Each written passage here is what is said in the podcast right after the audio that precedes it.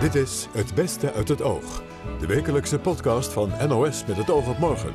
Met de mooiste gesprekken en opvallendste momenten van deze week. Hier is Mieke van der Wij.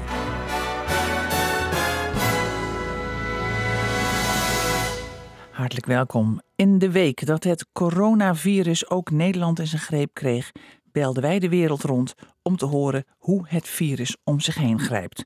Verder hoor je waarom de prijzenoorlog op de oliemarkt voor allerlei bijeffecten zorgt, van pensioentekorten tot duurzaamheidsproblemen. Elk duurzaam project schat je in op winstgevendheid ten opzichte van een bepaalde olieprijs. Het moet competitief zijn. Als die olieprijs enorm daalt, zijn de projecten niet meer competitief. En we hebben het over het historische excuus van de koning aan Indonesië voor het geweld bij de politionele acties. Opschrijver Alfred Burney maakt de spijtbetuiging weinig indruk. Ik wil niet oneerbiedig zijn, maar ik neem die excuses niet zo serieus. Eerst naar de coronapandemie. Die legde deze week Europese landen één voor één stil. En dat begon allemaal in Italië, waar begin deze week vergaande maatregelen werden aangekondigd. Maar vrachtwagenchauffeur Gert-Jan Graafland had daar geen enkele last van, zei hij in gesprek met Kees Grimbergen. Ja, u vertrok een paar dagen geleden met een vracht bloemen naar Zuid-Italië. Hoe verliep de reis? Uh, ja, eigenlijk niet uh, anders dan anders. Ja. Belemmeringen Alleen, of controles uh, onderweg bij de grenzen? Nee, nee, nee, nee, helemaal niks. Het enige wat nou veranderd is dat er een busje desinfecteren gel uh, op de grens staat, waar je met de papieren afgeeft, zeg maar. En voor de rest uh, helemaal niks, geen aparte dingen. Het is juist wat rustiger. het is juist wat rustiger. Voor u als vrachtwagenchauffeur ook wel prettig waarschijnlijk. Ja, dat wel, want het, verkeer, het verkeer onderweg is veel minder. Je merkt wel dat de mensen thuis blijven. Nou, bent u op de terugweg? Heeft u net Lombardije ja. doorgekruist, Noord-Italië? Nog uitgestapt ja. of bent u uit vrees ook meteen in één keer doorgereden? nee, ik ben niet in één keer doorgereden. Ik heb wel gewoon pauze gemaakt en zo. Maar ja, ik ga nou niet echt, uh, echt op mijn gemakkie een bakje koffie drinken in een barretje of zo. Dat niet, nee. U komt morgen weer naar Nederland toe. Moet u dan nog speciale ja. maatregelen nemen? Quarantaine of andere maatregelen? Nou, niet dat ik weet. Nee hoor.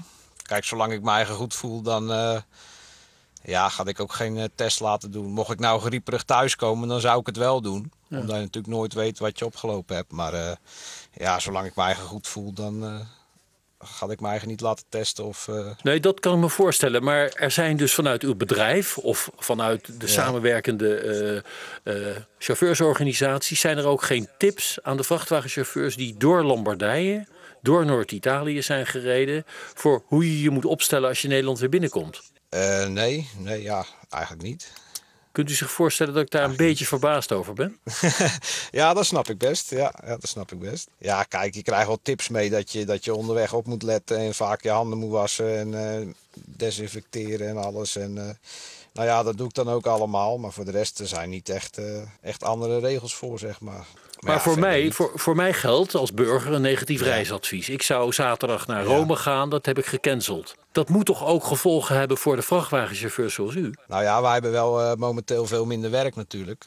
Maar ja, zolang, zolang ze nog uh, uh, producten bestellen, moet, moet het er toch heen. Kijk, bloem is natuurlijk niet een eerste levensbehoefte.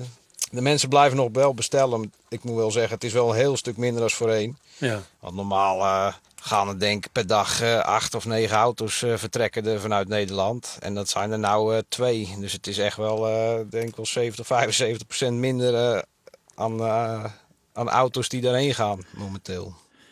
Nee, de Nederlander Isaac van Achelen ondervindt veel meer last van het virus. Hij woont in Rome, waar het hele openbare leven stil is komen te liggen. Zijn dagen zien er momenteel erg eenvoudig uit, zei hij tegen Lucella Carasso. Ik was erg vroeg wakker. Uh, ik heb uh, erg veel energie over, omdat mijn dagen natuurlijk binnenshuis uh, plaatsvinden. Toen ben ik vanochtend naar de supermarkt gegaan. Daar doe ik normaal gesproken 20 minuten over en nu ongeveer anderhalf uur. En de, de rest van de dag heb ik thuis binnengezeten.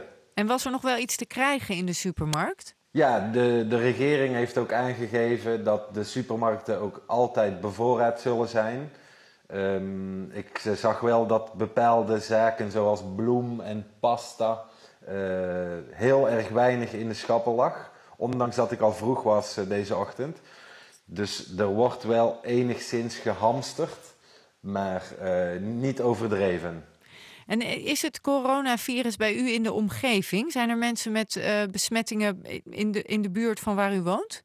Uh, in het dorp waar ik woon, in Tjerveteri zelf, zijn geen besmettingen. Um, we hebben vanavond wel te horen gekregen dat een dorpje ja, 10, 15 kilometer verderop de eerste besmetting heeft. En tot aan gisteren was dat op 25 kilometer. Maar het is dan één besmetting van één persoon die uh, was gaan skiën in het noorden van Italië. Maar verder uh, is er hier uh, geen besmetting, nee.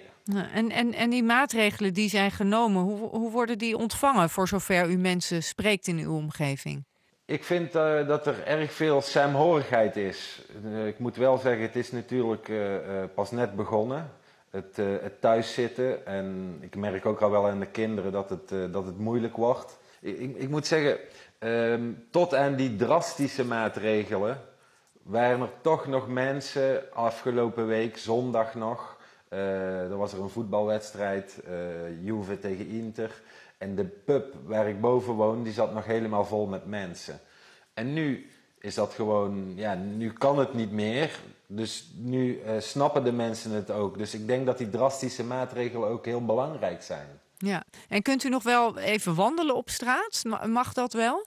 Dat mag in principe niet. Um, daar zijn een beetje de meningen over, over verdeeld. Um, er was ook een vraag uh, vanavond bij de persconferentie, die elke avond uh, om zes uur is door de burgerbescherming hier. En toen zei die man ook, ja, eigenlijk niet, want het mag alleen voor noodzaak. Dus uh, noodzaak is bijvoorbeeld om naar de supermarkt te gaan. En dan neem je dus ook een formulier mee waarop staat dat je naar de supermarkt gaat of naar je werk. Er zijn er mensen met honden. Ik, ik uh, hoorde ook van een vriend die uh, had zijn hond vier keer uitgelaten vandaag en zijn vrouw zeven keer. Nou ja, dat is dan eigenlijk een goede reden. Maar ja. het is natuurlijk niet de bedoeling. Nee, nee. Maar de Italianen zijn altijd vrij creatief in dat soort dingen, heb ik het idee.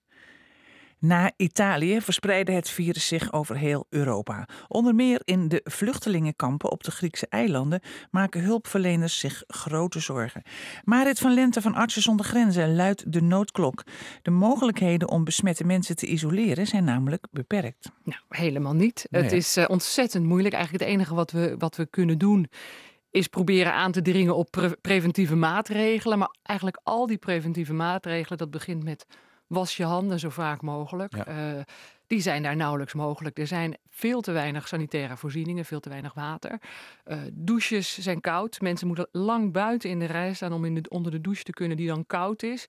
Uh, het, het, het, het, simpele handen wassen uh, is eigenlijk al niet mogelijk in zo'n overbevolkt kamp. En vluchtelingen kampen sowieso al met allerlei medische problemen. Dan, dan kan een besmetting misschien ook veel minder snel opvallen het kan zeker minder snel opvallen. Er zijn, uh, het is voor ons heel erg moeilijk uh, om goede zorg te verlenen in bijvoorbeeld de kampen in, in Griekenland. De toegang tot de gewone Griekse gezondheidszorg, waar vluchtelingen recht op hebben om omheen te gaan, die wordt hun eigenlijk door allerlei administratieve mogelijkheden ontzegd. Dus het, het, het, nou ja, de volgende advies is: voel je je ziek? Plaats jezelf in zelfquarantaine. Nou, daar moet u zich de tenten bij voorstellen ja. die we zien, die je moet delen met andere vluchtelingenfamilies. Ja. En het volgende advies is: bel de dokter als je koorts hebt, maar die dokter is er niet. Nee. He, het, is, het, is, het, is, het, is, het is buitengewoon schrijnend om en te zien. En thuiswerken zouden ze dolgraag willen, nou, maar. Dat, inderdaad, daar ja. zegt u wat. Hè? Maar het is buitengewoon schrijnend dat ja. in een Europees kamp in Europa, dat ja. een organisatie als Artsen zonder Grenzen daar ontzettend basale zorg moet leveren. Wat zijn uw mogelijkheden om die mensen te testen? Testen op het moment is heel, eigenlijk bijna niet mogelijk. Nee. Dat moet via de Griekse gezondheidszorg uh, gaan, de volksgezondheidszorg. Maar wat ik zei, de toegang daartoe en het alleen al het, het, het identificeren van mensen uh, die ziek zijn, dat is buitengewoon moeilijk. Ja. Wat zou je wel kunnen doen om besmettingen in te dammen? Het kamp sluiten. Ja? Ja, er, is, er zit werkelijk niets anders op dan dat kamp. We zeggen het al jaren, dat kamp moet dicht. Het is daar niet alleen voor corona, maar voor mazelen, voor, voor hepatitis, voor hersenvliesontsteking. Dat kamp is een broeinest van van, van dat is een, een, een, een. Alle virussen, alle bacteriën voelen zich daar thuis. En zolang wij deze mensen niet uit elkaar halen en fatsoenlijke leef- en woonomstandigheden geven, gaan allerlei infecties Ja. hier van slag. Zijn die mensen daar, hè, die toch al heel veel aan hun hoofd hebben, zich überhaupt bewust van, van corona? Zijn ze daarmee bezig? Ja, ik heb vanochtend nog gesproken met de co- coördinator eh, in Griekenland. En die zegt, ja, men weet ervan. Maar is het hun hoofdkopzorg? Nee. Nee. Eh, er is, eh, die kampen worden bevolkt door mensen die die oorlog ontvlucht zijn, die verkracht zijn, die, die gemarteld zijn. Daar proberen we zorg aan te, aan te geven. En, en corona, een, een infectie, is één van de mogelijke gevaren daar. Maar het in de rij staan voor voedsel wat niet uitgegeven wordt, of een agressieve eh, ontmoeting met de bevolking, eh, ja, dat is meer de dagelijkse realiteit. Is er desondanks toch iets van een plan, mochten er echter op grote schaal besmettingen zich aandienen? Eh, van ons uit is er eigenlijk maar één oplossing en dat is dat kamp sluiten. Maar dat is niet iets van vandaag op morgen. Ik zou graag willen van wel. Een duidelijke boodschap. Tussen alle coronapaniek door hebben Rusland en Saoedi-Arabië een olieprijzenoorlog ontketend. En dat heeft enorme gevolgen, vertelde financieel analist Anna Grebenshikova aan Koen Verbraak. Hoe is dit conflict tussen Rusland en Saoedi-Arabië eigenlijk begonnen? Dat is interessant. Dat is eigenlijk zoals de meeste problemen op dit moment in de wereld. Het begon het met corona. Oh. Eh, door corona nam de vraag naar olie af. En er was een grote bijeenkomst om, eh, van de OPEC, plus Rusland erbij. Dat noemen we de OPEC plus. Om te bepalen wat dan de juiste olieprijs en de olieproductie zou moeten zijn. En Ru- eh, toen suggereerde de OPEC om de, eh, de productie verder naar beneden te schroeven. En Rusland had daar weinig zin in. Omdat de prijs van olie al enigszins was gedaald. En degene die volgens Rusland het meest zou profiteren van een daling van, de, eh, nee, van het stabiel houden van de prijs en een daling van de productie, eh, Amerikaanse schaliebedrijven zijn die ook olie produceren. En daar had Rusland simpelweg geen zin in, omdat ze niet zagen waarom ze zichzelf in de vingers zouden moeten snijden om de Amerikanen te helpen. Zeker niet nu onder president Trump eh, eigenlijk energiepolitiek een soort van ook weaponized is. En daar komen een aantal factoren bij kijken. Ten eerste heeft, probeert Amerika met sancties Nord Stream 2, dat is een nieuwe gasleiding tussen Duitsland en Siberië, te stoppen. Ten tweede eh, zijn de schaliebedrijven eigenlijk Rusland al altijd een doorn in het oog. En ten derde zijn er ook nog sancties richting de Rosneft ehm, handelsplatform van Venezuela geweest. Dus Rusland dacht, wij lopen weg van tafel en die prijs gaat gewoon naar beneden. En dat doen we naar zo'n niveau dat de schaliebedrijven in Amerika niet meer winstgevend zijn. Saoedi-Arabië besloot daarop, nadat de olieprijs al flink was gekelderd, twee dagen later te zeggen: Oké, als jullie het zo willen, dan kunnen wij dit ook. Dan schroeven we de productie volledig op. En niet alleen dat, dan gaan we ook langzaam onze strategische reserves gebruiken. We gaan eh 12,3, uiteindelijk tot, zijn ze van plan tot 12,3 miljoen vaat per dag aan olie de markt op te gooien. Waardoor de prijs nu rond de 35 dollar per vat schommelt. En dit raakt eh, verschillende industrieën en landen heel hard. Ja, maar- en, en, en de tactiek is dan zoveel mogelijk olie op de markt brengen, waardoor de prijs eh, steeds verder daalt. Ja, en tegelijkertijd gaat, eh, neemt de vraag iets af. Op de lange termijn zouden consumenten misschien van een eh, lage olieprijs kunnen profiteren in hun benzine. Maar eh, het raakt in eerste instantie heel veel bedrijven heel hard. En nu zien we ook eigenlijk een beurscrash. Ja. Of in En, ieder geval een flinke bear market. ja. en welk belang heeft Rusland erbij om deze prijzenoorlog te ontketenen? Eh, je zou het kunnen vergelijken met Albert Heijn die een supermarktoorlog ontketent. Je kunt kleine producenten eh, er hard mee raken. Je kunt kleine supermarkten de markt uitduwen. Die schaliebedrijven die ik al, waar ik het al eerder over had, hebben gewoon een olieprijs van rond de 45, 50 dollar per vat nodig om winstgevend te En zijn. schaliebedrijven, Die doe je dat zijn bedrijven die schalieolie eh, eh, op de markt brengen. Hè? produceren. Ja. Ja, in Amerika. En je treft er ook kleinere landen mee, van Angola, Kazachstan, Venezuela, omdat die ook heel erg afhankelijk zijn voor de inkomsten van eh, de olieprijs.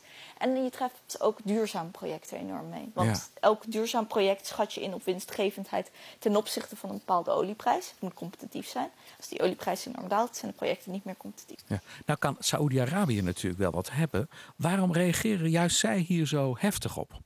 Omdat eh, ik denk dat het voor hun een heel eh, werd geïnterpreteerd als een harde power move. We hebben natuurlijk drie jaar geleden hadden we ook een enorme oliecrisis. En toen zijn eigenlijk de Russen en de Saudi-Arabiërs nader tot elkaar gekomen. Dat is ook omdat er een strategische alliantie ontstond tussen de twee energieministers van die landen. Recent is de energieminister van Saudi-Arabië gewisseld.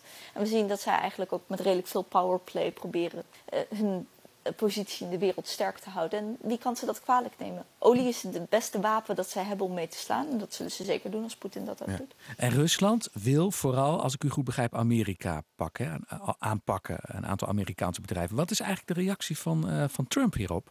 De reactie van Trump is vrij interessant. Trump heeft gezegd dat hij ehm, fiscale stimulus, dus hij zal goedkope of zelfs zero rate, dus eh, tegen een rente van nul, leningen verstrekken aan die schaliebedrijven die geraakt worden. Ook aan de, eh, de hospitality, dus de hotels, de cruiseschepen en ook nog andere bedrijven die worden geraakt. En hij zal de taxes voor ze vooruitschuiven, dus de belastingen voor ze vooruitschuiven.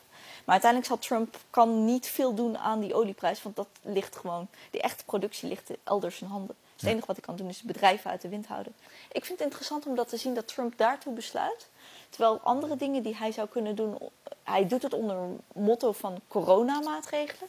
Terwijl je zou kunnen zeggen, oliebedrijven hebben amper mensen in dienst. Als je echt coronamaatregelen wil nemen, dan gebruik je eigenlijk eh, stimulus om misschien mensen in Amerika die van uur tot uur betaald worden, het, het recht geven om ziek thuis te zitten. Wat veel Amerikanen niet hebben. Ja. Wat, wat kunnen de gevolgen zijn voor de wereldeconomie van deze prijzenoorlog op de oliemarkt? Oh, die kunnen flink zijn. Ik denk ook dat de gemiddelde Nederlander het uiteindelijk in de portemonnee zal eh, voelen. Omdat het interessant is dat de- nu de oliemarkt zo flink aan het kelderen is, zien we ook dat andere aandelenmarkten enorm kelderen en de rente keldert enorm. En laten dat nou ne- net de componenten zijn waar een gemiddeld pensioenbelegging uit opgebouwd is. Vaak eh, investeer je een klein deel van het vermogen in grondstoffen om te zorgen dat je genoeg diversificatie in de portefeuille hebt. Maar op het moment dat alles naar beneden gaat, is er geen diversificatie meer en worden dus bijvoorbeeld pensioenfondsen heel hard geraakt. Ja. En we zien nu dat alles, dus de correlatie tussen de oliemarkten en de aandelenmarkt is enorm omhoog gegaan. Er zit flinke volatiliteit in allebei. En die volatiliteit is, eh, eh, jast de markten allemaal naar beneden. Dus de gemiddelde Dus in eerste instantie hebben we lagere prijzen aan de pomp. Dat is mooi. Maar op termijn gaat het onze pensioenen ondermijnen. Flinke. En het, gaat ook, het ondermijnt ook onze banken. Want we moeten bedenken dat de Nederlandse banken voor een groot deel geïnvesteerd zijn in de Nederlandse oliebedrijven zoals Shell. Het raakt ook onze duurzame projecten. Want Nederland als land investeert flink veel in duurzame projecten. En die zijn dus ook niet meer winstgevend tegen de huidige olieprijs. Hoe lang zou die prijsoorlog tussen Rusland en Saoedi-Arabië kunnen gaan duren? Want dat kan ook geen jaren duren. Dat, dan snijden ze zichzelf ook in hun vingers. Ze snijden zichzelf zeker in de vingers, maar ze hebben allebei al aangegeven dat ze dit jaren kunnen volhouden. Dat kun je natuurlijk meer zien als borstklopperij dan iets anders. Maar je kunt wel zien dat de buitenlandse reserves, de internationale reserves van Rusland en Saudi-Arabië, zijn nu veel hoger dan ze waren ten tijde van de vorige oliecrisis. Ongeveer anderhalf keer zo hoog. Dus vanuit dat oogpunt zeggen sommige mensen zelfs, Poetin heeft het zo gepland om op een ideaal moment te wachten totdat hij een storm kon ontketenen. Tegelijkertijd denk ik niet dat het volgende week over is. Dus eh, vorige keer hebben we een paar maanden, duurde het eerst twee jaar en de echte, de echte diepe crisis maanden. En in dit geval denk ik dat je op minder dan maanden rekenen is niet realistisch. Maar jaren lijkt u ook niet erg waarschijnlijk. Ik denk dat men genoeg redenen heeft om uiteindelijk weer de neus dezelfde kant op te laten wijzen. Tot slot iets anders dat door de coronacrisis een beetje ondergesneeuwd raakte. De excuses van koning Willem-Alexander aan Indonesië vanwege het Nederlandse geweld tijdens de onafhankelijkheidsoorlog. De excuses hebben Alfred Burney, auteur van het veelgeprezen boek De Tolk van Java, niet echt geraakt, zei hij in gesprek met Kees Grimbergen.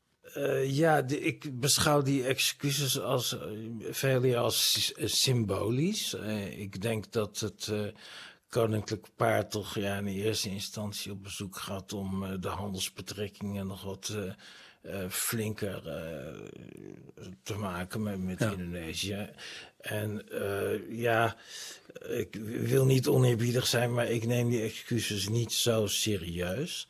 Ehm, ik, ehm, Mag ik eens naar uw vader? Hoe zou uw vader het hebben gevonden? Hoe zou hij gereageerd hebben als hij vandaag van die excuses had gehoord? Hij is overleden. Mijn vader zou het eh, vreselijk hebben gevonden, omdat mijn vader destijds eh, de kant van de Nederlanders heeft gekozen, zoals heel veel eh, Indische Nederlanders. En ja, voor Oranje, hè, voor de koningin heeft gevochten. Uh, die strijd heeft verloren. Uh, hij is toen ja, naar Nederland gegaan, zoals zoveel Indische mensen, 300.000. We zijn intussen met anderhalf miljoen uh, Indische mensen hier in Nederland. En ja, veel Indische mensen die, ja, die beschouwen dit toch als een, een klap in het gezicht, omdat ja, je, je ouders die vechten voor Nederland. En 70 jaar later gaat Nederland tegen Indonesië zeggen: Ja, sorry voor wat we jullie aangedaan hebben. Dus met, dat is de met terugwerkende kant. kracht lijkt het alsof jouw inzet niet gewaardeerd wordt. Dat zou kunnen. Nou, belden Ja. wij u vanavond, hè? of we belden u vandaag. En we vroegen: Wilt u in het oog op morgen met ons over die excuses spreken? En u twijfelde. Waarom twijfelde u om mee te doen?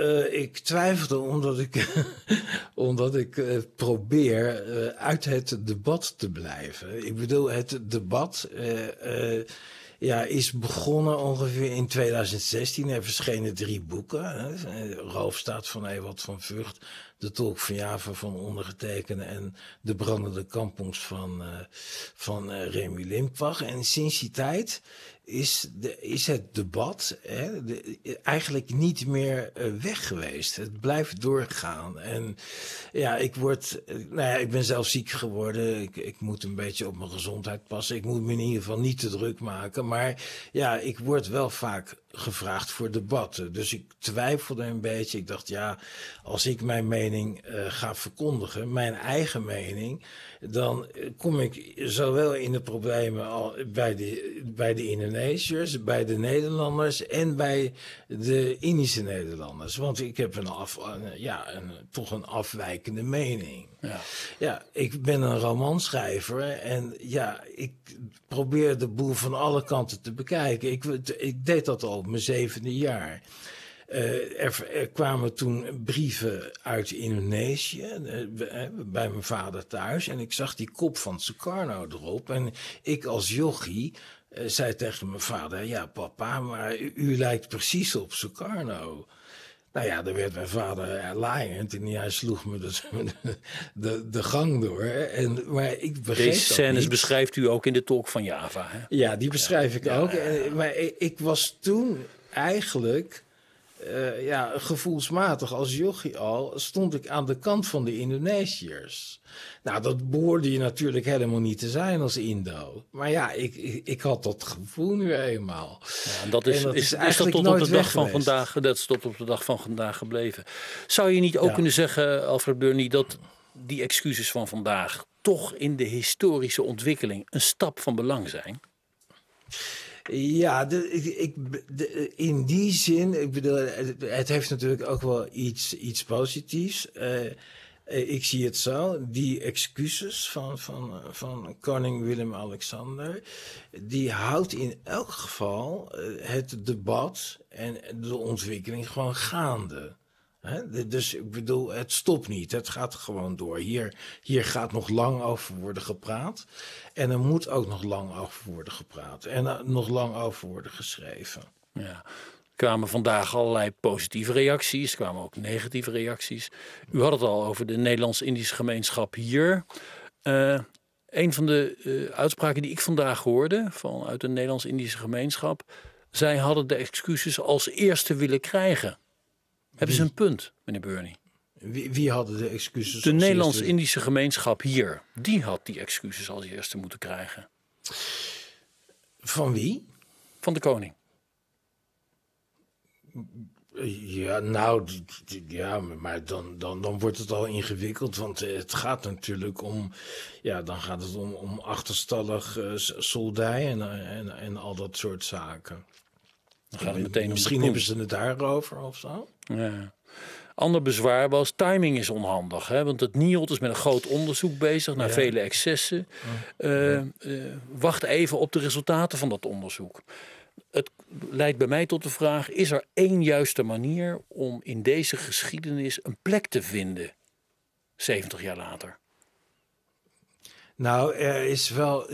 Je moet ergens beginnen. Hè? Je, je, je, kunt excuses maken, je kunt praten wat je wil. Maar het gaat uiteindelijk om je houding. Dus de houding van Nederland ten opzichte van, uh, van Indonesië, maar ook ten opzichte van de Molukkers hier, die ook hebben gestreden natuurlijk. En ten opzichte van de Indische Nederlanders hier. En die houding moet er een zijn van, van wederzijds respect.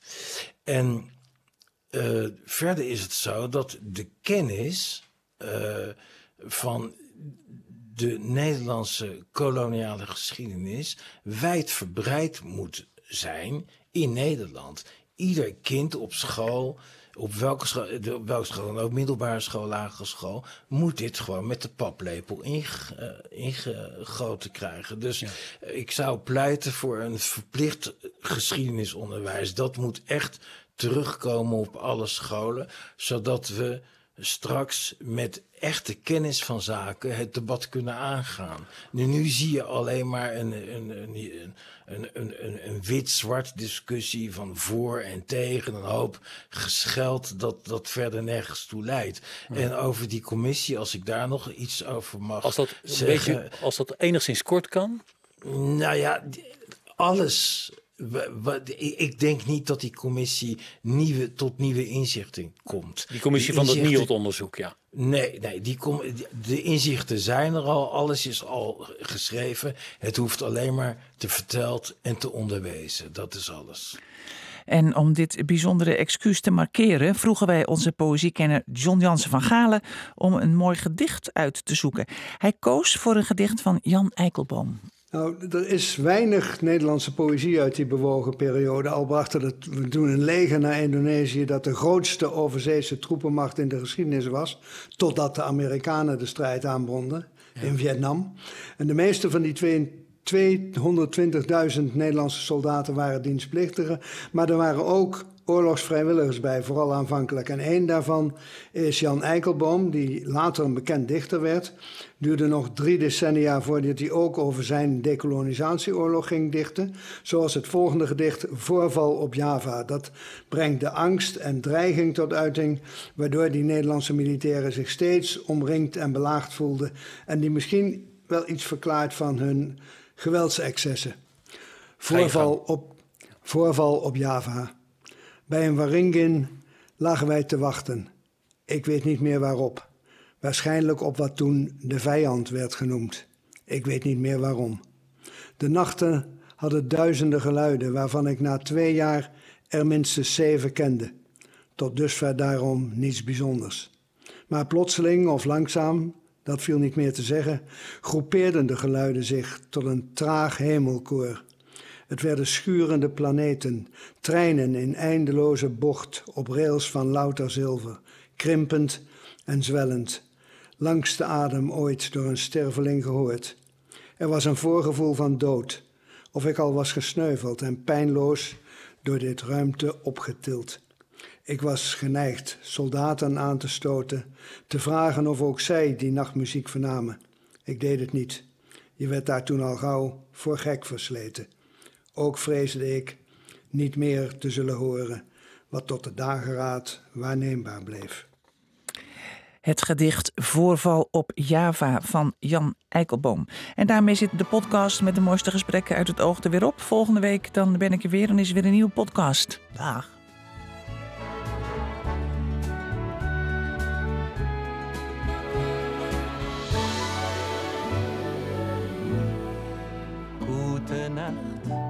Freunde. Es wird Zeit für mich zu gehen. Was ich noch zu sagen hätte, dauert eine Zigarette und ein letztes Glas im Stehen.